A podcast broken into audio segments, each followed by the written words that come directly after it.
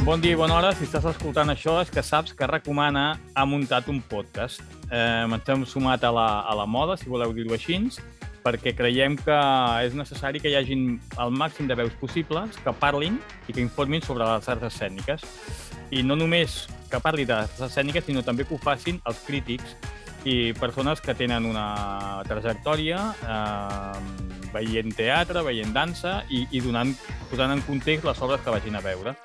Eh, per això nosaltres defensem que ha d'haver un podcast eh, de teatre i que, a més, a part de tots els podcasts que vulguin haver, que també en sigui un de crítics. I aquest és el que nosaltres humilment plantegem des de Recomana. Um, avui ens estrenem, això és un invent, veurem com funciona i la nostra idea és anar-te trobant um, d'ara fins al juliol pràcticament cada 15 dies, tot i que trobareu maneres i us, us anirem informant de on, quan, quan surten els nous podcasts a través de xarxes socials.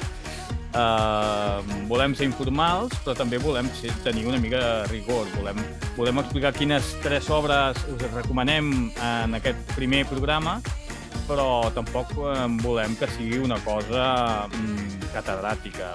Eh, anem, anem a veure com, per on anem. Ens hauríem de presentar. Eh, primer de tot, eh, perdoneu que comenci, soc Jordi Borda, soc periodista del Punt Avui i eh, bueno, també un dels impulsors de Recomana. Gabriel? Sí, jo sóc Gabriel Sevilla, eh, treballo com a, com a professor a Girona, a l'ERAM, una escola universitària de Girona, i faig crítica recomana, m'he estrenat aquest any, és a dir, he començat la, la col·laboració aquest any, però abans feia col·laboracions amb la Finestra Digital i amb Artefly. Molt bé, benvingudíssim. I... Gràcies. Elisa? Jo sóc l'Elisa Diez, eh, soc periodista i creadora de continguts digitals, treballo amb diferents empreses i també porto les tastes de Recomana i tots els embolats on ens fiquem. I, I tens el teu blog de Butaques i Somnis. I tinc Butaques allò... i Somnis, sí, que està una mica parat, però de, però, de tant en tant però va, torna. És latent. Doncs vinga, comencem. La idea del podcast eh, mm, serà molt anàrquica. Avui serà així, demà passat serà d'una altra manera. En sí que volem plantejar dos formats. Un és explicar les crítiques, explicar els nostres punts de vista d'obra que avui que ho esteu escoltant um, estiguin en cartellera i, i després n'hi haurà d'altres que ja us explicarem o ja us explicarà qui ho faci. Em sembla que començaves tu, Gabriel, amb Crim i Càstig. Sí, sí, us volia comentar el Crim i Càstig que ha fet Pau Carrió al lliure de, de Montjuïc, a la sala Puigcerver, i que estarà en cartell fins a principis d'abril, el 3 d'abril, crec recordar. I a veure, és, eh, el primer que crida l'atenció de, del crim i càstig per mi és que eh, s'ha canviat totalment la sala Puigcerver, vull dir, les persones que tinguin costum d'anar-hi veuran que la part de l'escenari està on normalment són les butaques del públic i al contrari, no? ara el públic seu on normalment és, és l'escenari. I crec que és una, és una versió que val la pena, primer de tot perquè té un repartiment de luxe, és a dir, té el Paul López fent del protagonista de Raskolnikov, té la Miriam Iskla fent el, el personatge, el que li dona la rèplica sempre, que és l'inspector Porfiri, després la Francesca Pinyó fent la, fent la mare de, de Raskolnikov, l'Albert Prat fent Razumijin, que és el seu amic, Maria Rodríguez fent, fent la Sònia, que és la promesa. Vull dir, crec que és un repartiment de molta qualitat i a més a més n'hi ha una cosa eh, excepcional a, a aquesta adaptació i és que és veritat que ha sigut molt ambiciosa. És una, és una adaptació molt exhaustiva de la novel·la de Dostoyevsky. És a dir, normalment les adaptacions que es fan de, de Dostoyevsky, de Crim i Càstig, tenen tendència, jo crec, que a simplificar molt, perquè la traducció escènica de, de la trama de la novel·la és, és difícil, i normalment estan com més centrades en el que és el crim i el càstig, no? en el que és la línia principal de l'argument. Però en aquest cas eh, s'ha fet tota una adaptació no només de la trama principal, sinó de les trames secundàries i cal dir, vull dir, és, és, el públic ho ha de saber, que és una versió de 4 hores, és a dir, amb un entreacte, però són 4 hores de funció i jo crec que, que això és d'agrair en el sentit de que s'ha corregut un risc, vull dir, n'hi ha, ha una ambició, n'hi ha la voluntat de captar tota aquesta complexitat argumental i estructural de la novel·la i això val la pena juntament amb, amb un repartiment que jo crec que és, que és de qualitat. Ara, eh, dit això, jo també tinc eh, alguns, diguem, peros, no? algunes, algunes qüestions que no m'han convençut tant i que probablement tenen a veure amb el que era la part més complicada de, de l'adaptació teatral. I és que eh, Crim i Càstig és una novel·la psicològica, com tothom sap, vull dir, és, és una novel·la on el més important són els monòlegs interns del personatge. És, és aquesta visió del protagonista, de Raskolnikov, que és un personatge, és un antiheroi, vull dir, és un personatge maníac depressiu que viu tota la seva vida perdut en una mena de, de nebulosa mental no? entre el son i la vigília. I clar, captar tota aquesta psicologia tan complexa i tan introspectiva és molt difícil i bàsicament el que ha fet Pau Carrió, en la meva opinió, és eh, trobar dues solucions, no? una sonora i una visual. Eh, des del punt de vista sonor, el que ha fet és utilitzar eh, música electrònica. És una música electrònica composta per Arnau Vallvé, el, diguem, el membre del Manel, que punxa Joan Soler com, com DJ al fons de la sala. I crec que aquesta opció està, està molt bé perquè és, diguem, és un anacronisme evident utilitzar música electrònica per a una història del segle XIX, però crec que eh, sí que és veritat que crea un ambient com opressiu aquesta, aquesta música electrònica i al mateix temps molt contemporani. No? És una manera de rellegir des del dia d'avui eh, diguem, eh, la psicologia de, de, la, de la novel·la, amb, amb una atmosfera sonora més electrònica i més opressiva. I des del punt de vista visual és on jo tinc més, més dubtes perquè n'hi ha un gran dispositiu escènic que és com una enorme bombolla de plàstic que està suspesa sobre l'escena, que ha arribat a un punt baixa sobre l'escena i es va buidant i omplint d'aire no? I, i n'hi ha moments en què els personatges són dins de la bombolla, n'hi ha d'altres moments en què són fora, de vegades caminen sobre la bombolla.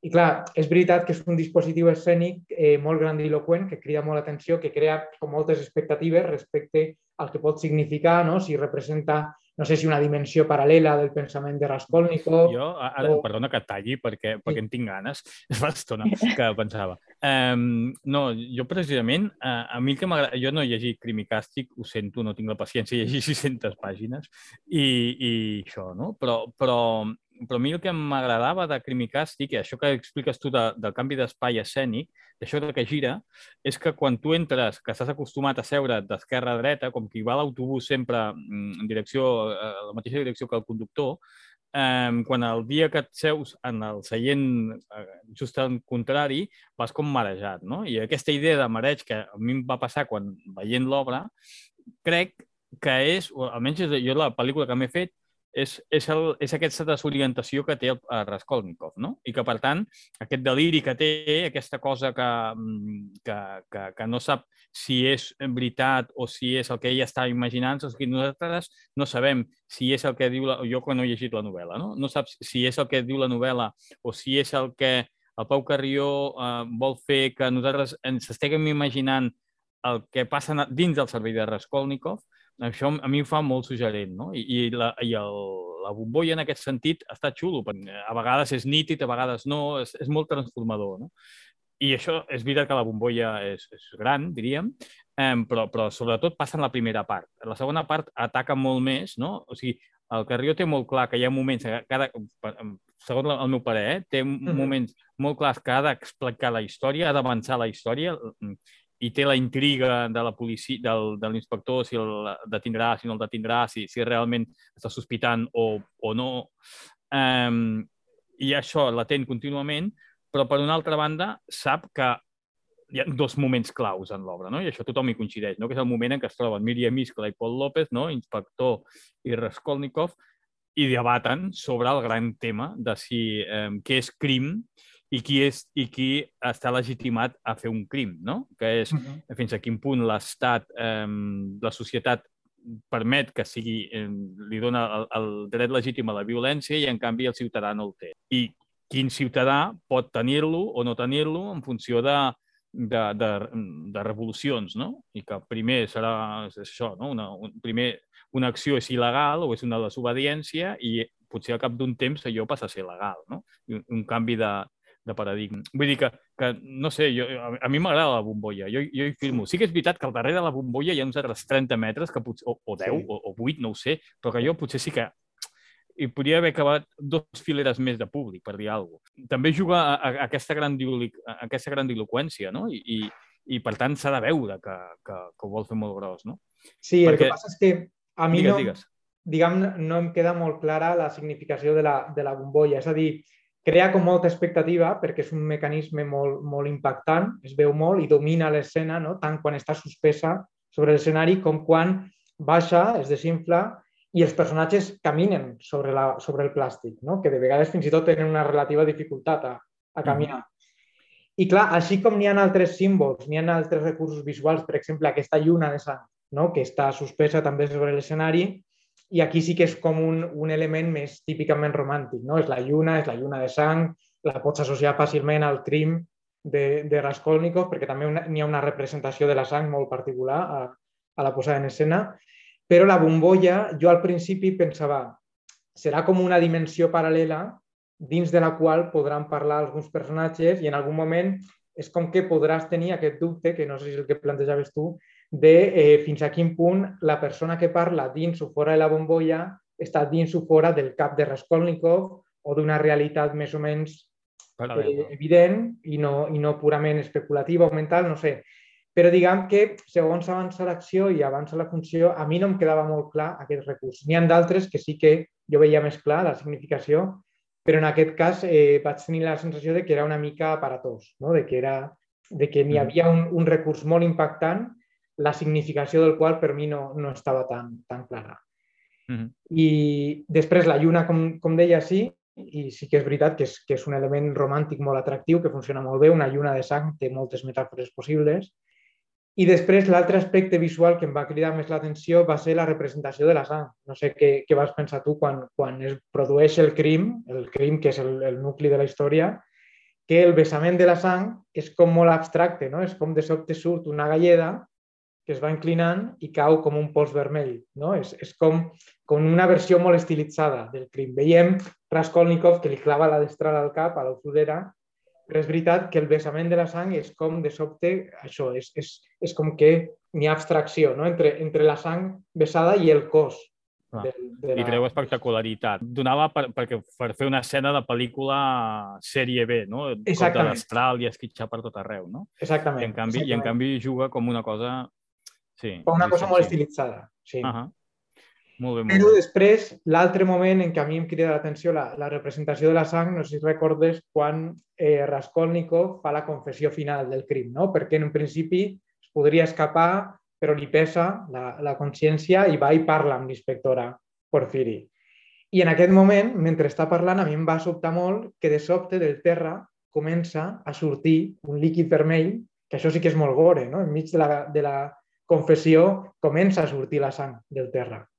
Uh -huh. Llavors, això em semblava com estèticament una, una solució com que em cridava l'atenció i que no, no acabava de veure molt coherent amb l'altra. No? En el moment del crim és com que tot és molt elegant, molt abstracte, molt estilitzat, no, no es fa el gore, i en canvi en el moment de la confessió sí que és com que surt sang del terra. No? Ahí sí, sí que però, mira, una pel·lícula pogut, bueno, no sé, Gore hagués pogut ser més, perquè hagués pogut posar la manguera i tirar-la cap amunt, no? Vull dir, no cap... va fluint. Sí. Soc sàdic, eh? eh? El globo era tot molt maco i m'estaven donant ganes d'anar-hi. Ara, amb tanta, sí. amb tanta sant, no sé jo. No, per mi el més interessant no és eh, tant la... Bueno, és com eh, crea tot un artilugi, però per tenir dos grans moments, que aquests dos grans moments són de paraula, i és la paraula la que mana i no hi ha res més, no? I és, és molt xulo com després de tenir tant desplegament resulta que va i acaba centrant no, en els dos grans moments de, de conversa entre de, de la confessió i, de, bueno, i del flirteig aquest intel·lectual que tenen no, entre inspector i Raskolnikov. Alicia, tu vas anar a l'Uraneta? Sí, jo passem de deslligar molt o de fer uns spoilers una mica grans de Quimi Càstic a l'Oreneta, que el propi Guillem Clua s'ha queixat de que alguns crítics s'han fet eh, alguns spoilers massa grans i han explicat molt l'obra i tal. Jo no faré Ai. això, no, no, no destriparé l'obra perquè jo crec que s'ha de veure gaire sense saber què se va veure, però sí podem dir que, està, que té un teló de fons, no? que és l'atemptat homòfob d'Orlando de fa uns anys i, i que Guillem Clubat torna com a la temàtica aquesta LGTB que, ja havia fet servir en els dos smileys, no? i que és una temàtica que a les xarxes socials seves també toca molt, però que la gent no pensi que va veure una obra de temàtica LGTB, perquè sí que és un diàleg de fons i està allà i pulula per tota l'obra, però jo crec que és una obra que va sobre el dolor i sobre el duel i com assumir que cadascú té una manera pròpia d'assumir i que no podem jutjar als altres sobre com fem el dol i quan dura ser dol. Crec que és una, és, va d'això, més enllà de la temàtica LGTB, el dol és un, una temàtica universal. És, és un melodrama, eh, per això. Jo crec que sí. és un melodrama molt ben escrit i, i també ben interpretat, vull dir que, perquè els melodrames fan, ens fan una miqueta de por que, que, que es carreguin molt les tintes no? i que es vulgui ser molt, molt exagerat, no? que hi hagi com molta cridòria, no? molt soroll. I, i uh, sí que criden, però diríem que no molesta quan criden. No? Realment és, és, és potent, dir, la interpretació de tots dos és d'aquelles que, que t'agafa, que se't queda l'aire així com entretallat, no? Sí, sí, no, jo, jo, jo estava a la cara, però estava en tot el, el públic com, com contenint la respiració. Sí que és veritat que jo vaig anar amb la idea de que no sabria per on aniria la tema. És veritat que t'enganya una mica. El que passa que quan estàs acostumada a veure moltes coses audiovisuals, pues ja vas, no? Fas de detectiu tu de la trama. T'acostumes eh, a que eh, t'enganyen.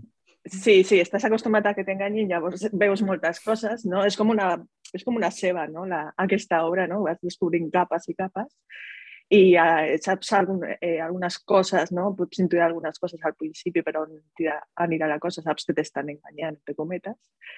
I, I jo, sobretot, aquesta part de melodrama, que l'havia sentida en crítiques i tal, que ningú es pensi que això és un culebrot de TV3, vull dir, és un melodrama, però està tot molt contingut, o sigui, tan contingut està la trama com l'espectador veient-la.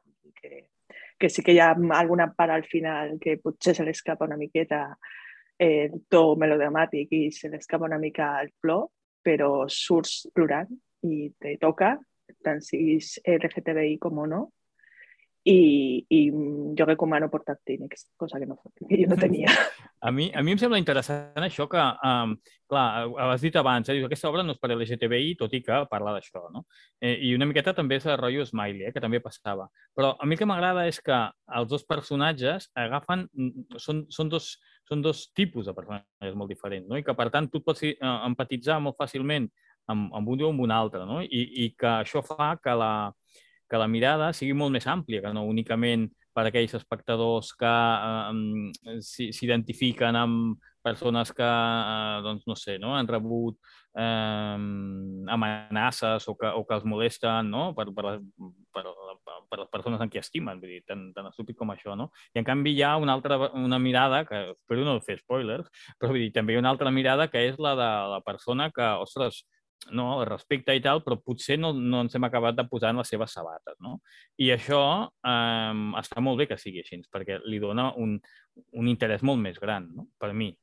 Eh, tu, tu què deies, eh, Elisa, abans? Que deies que, que aquesta obra... Tu no... Jo hi vaig anar sol i, i bueno, és una cosa que a vegades va bé anar acompanyat. Tu, tu què, què recomanes? Sí, jo, jo, jo vaig anar sola també, estava rodeada de, per una banda d'àvies, de senyores grans i de gais homes, i a mi m'hagués agradat anar-hi acompanyada i sobretot acompanyada d'una persona entre 35 i 50 anys eh, diferent a les meves idees, bueno, fora, o sea, fora del món LGTB eh, i amb idees una mica més conservadores que no les meves, perquè sí que hi ha moments on el personatge de l'Amèlia, la, la Vila de Sau, està dient coses i tu has fent que sí amb el cap com dient sí, sí, eh, o sigui, per aquesta banda t'entenc, però d'altres bandes no, I, i igual que hi ha rèpliques de, del personatge del Darni Balduf que dius, toma ya, y estás como animant-li a, a, a, perquè és com la teva postura, no? Però, però sí que és veritat que, que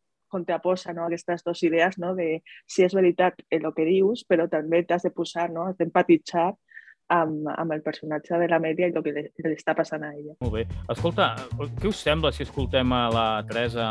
Des de Recomana se'ns va acudir amb, amb la complicitat amb el 3C que um, convidar a un usuari del 3C perquè anés a veure una obra de teatre, en aquest cas és el Pont, que està al Maldà fins al diumenge 13 de març, i que um, en fessin la seva opinió, ens donessin la seva opinió. I això és el que ens diu la Teresa. Avui us parlaré d'una obra de teatre, El Pont, que es realitza en aquests moments al Teatre Maldà. El Pont esdevé el subterfugi des del qual els dos personatges de l'obra es situen amb la intenció de matar-se. L'obra tot i tra tractar del tema del suïcidi, s'expressa en clau de comèdia. Una comèdia que transcendeix i que ens porta a plantejar-nos el gran tema de la humanitat, la vida i la mort. Ho fa des, des de la ironia, els gags, la juguesca entre amb dos personatges, però també alhora des de la tendresa. El pont és ple de contrastos. El jove negre va vestit de negre. El jove blanc va vestit amb una dessuadora blanca. El jove negre representa la classe social mitjana alta. El jove blanc representa la classe social mitjana baixa. A banda i banda del pont viuen els personatges. Vora el riu, diu el jove negre. Vora el riu, diu el jove blanc, a l'altra banda. Entremig dels diàlegs dels personatges hi ha la narració de la mort d'una persona des del moment que mor fins al cementiri. El canvi de pla a voltes es realitza situant-se físicament a la banda contrària de l'altra. La realitat dels personatges passa per la conversa desenfadada de la vida de cadascú, un repàs del sentit de la vida i el perquè de la mort. Hi ha moments en què aquesta realitat es transfigura i els personatges no saben si són vius o són morts. Això sí, sempre des de l'atenta mirada de la lluna, com a espectadora principal. L'obra va fent el seu recorregut, com la mateixa vida, passant per diferents moments, pel túnel, paraula esmentada, és a dir, la foscor, i també per moments de llum, perquè a fora del túnel sempre hi ha la llum. Una llum que, ens, que en la trajectòria de l'obra es va gestant mitjançant l'empatia que els dos joves van creant fins a esdevenir un vincle d'afecte. Un afecte que ens porta a les ganes de viure i a l'esperança que un altre món és possible. Teresa Sorroca. Moltíssimes gràcies.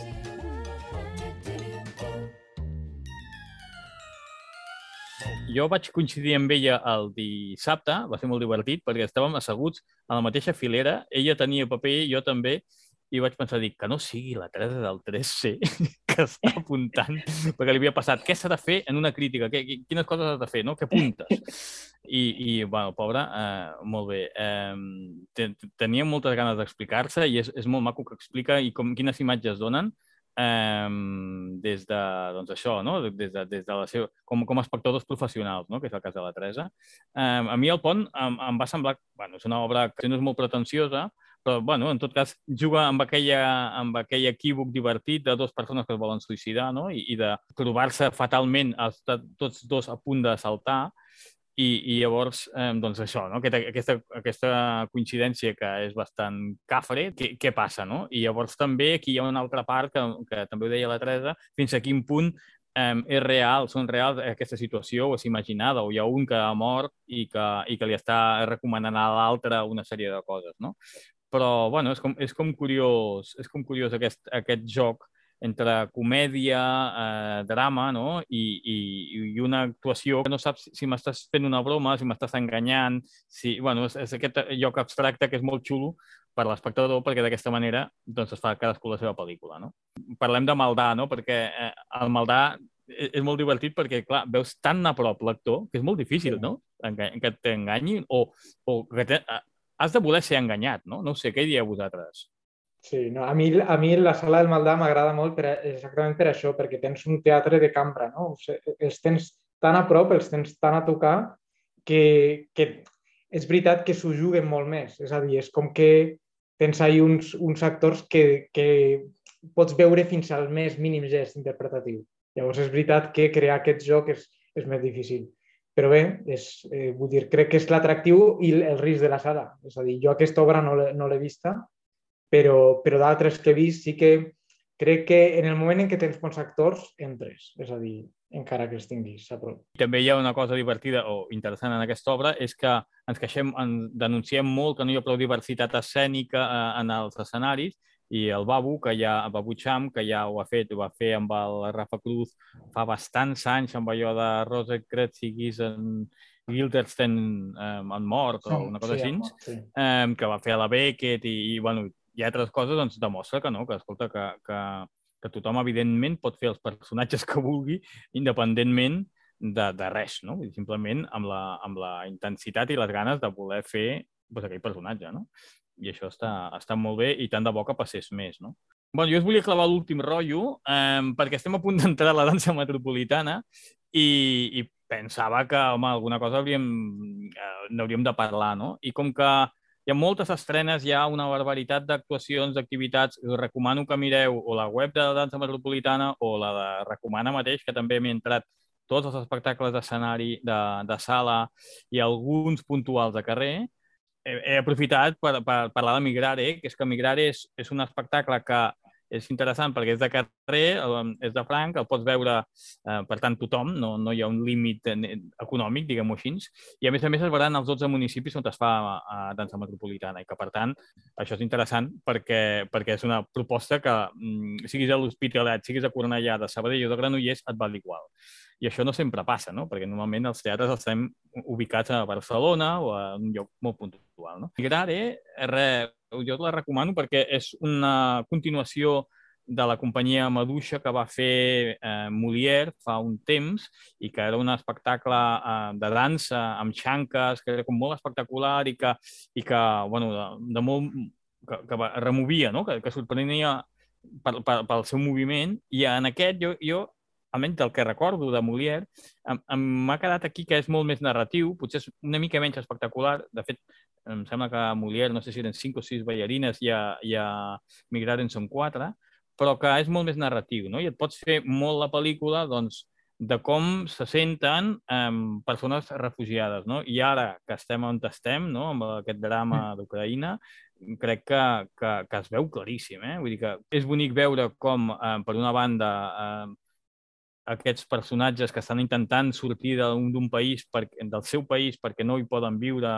eh, perquè se senten amenaçades, el que sigui, eh, van, a viure, van a veure un altre i com alguna gent d'allà els ajuda, però com normalment o les institucions o les administracions els hi posa una, una, una paret, no? I aquesta paret que és invisible, eh, elles de sobte, pues, no, que no se l'esperen, doncs, doncs es topen de cara, no? Um, jo la, la recomano, la recomano en general. Um, és una obra que és això, que és de carrer, que és vistosa, de... que, té, que, té, que té una intenció no? i una potència, però a més a més és que té aquesta part narrativa que, que tu pots imaginar i que t'has de fer tu la pel·lícula, doncs, de quins són aquests quatre personatges que es van trobant, representa que cadascú va per la seva banda, no? jo venim del nord, venim del sud, però en el fons tot el que volem és viure en pau, en progrés, en convivència, i, i això és una miqueta el que pinta Migrat. Digues, digues, perdona. No, perdó, que vull dir, és, és com dansa, teatre, polític, no? És, diguem, sí, que... Eh, és una miqueta això, tens raó. O sigui, clar, evidentment és dansa, no hi ha, no recordo cap paraula. Uh, jo vaig veure Fira Tàrrega i la meva memòria és molt limitada, per això no recordo cap paraula, però la imatge que tu tens és que t'estan explicant això, no? aquestes diferents situacions. No? Són com sí, és molt potent, eh? perquè la, bueno, jo eh, aquesta no l'he vista, però Molière eh, impressionava. Jo la vaig veure al passeig dels Tilers i la música i la presència d'elles de, amb les sanques, bueno, després t'han oblidat de que porten sanques, no? però és super impressionant, o sigui, de cor, o sigui, de, de, de teure't el cor. De, sí, és energètica, no? Aquesta jo crec sí. que és una miqueta menys energètica, però hi guanya tot l'altre, que per mi és més interessant, eh? Um, I igualment segueix sent prou energètica com perquè te teràpia pels ulls, eh, també. Doncs ja estaríem, o què? Què fem ara? Molt bé. No, Servim una copa. Emplaçar, em, em, emplaçar a la gent a que, a que se subscrigui al, al, al podcast en, en Spotify i Apple Podcast i, i que estigui pendent de les xarxes socials per, per la següent capítol. Dintre sí, de que la propera parlarem, com que estarem molt a prop, molt a prop dels Premis de la Crítica, mmm, convocarem a tots els coordinadors o a membres de tots els jurats, que en som uns quants, hi ha cinc jurats aquest any, i els convocarem per veure què ens apara la gala de, dels Premis de la Crítica. No podem dir qui ha guanyat, però sí que podem apuntar, doncs, fílies i fòbies, no sé, no? O, o, o aquesta cosa tan estranya de per què um, hi ha una obra que considerem que és de teatre i, i en canvi gent de dansa també el, el, també el valora o, o viceversa, no? Eh, eh, Se'n s'han acabat aquelles, aquells compartiments estancs, això és teatre, això és drama, Clar. això és no sé què, no? Tot això és molt híbrida, molt més, no? Doncs en parlarem. Molt bé. Perfecte. Qui diu adeu? Va, Elisa, digues tu adeu. bueno, passi-ho bé. Doncs res, fins aquí hem arribat i ens veiem d'aquí 15 dies parlant de, de línies divisòries, o, o no. O no.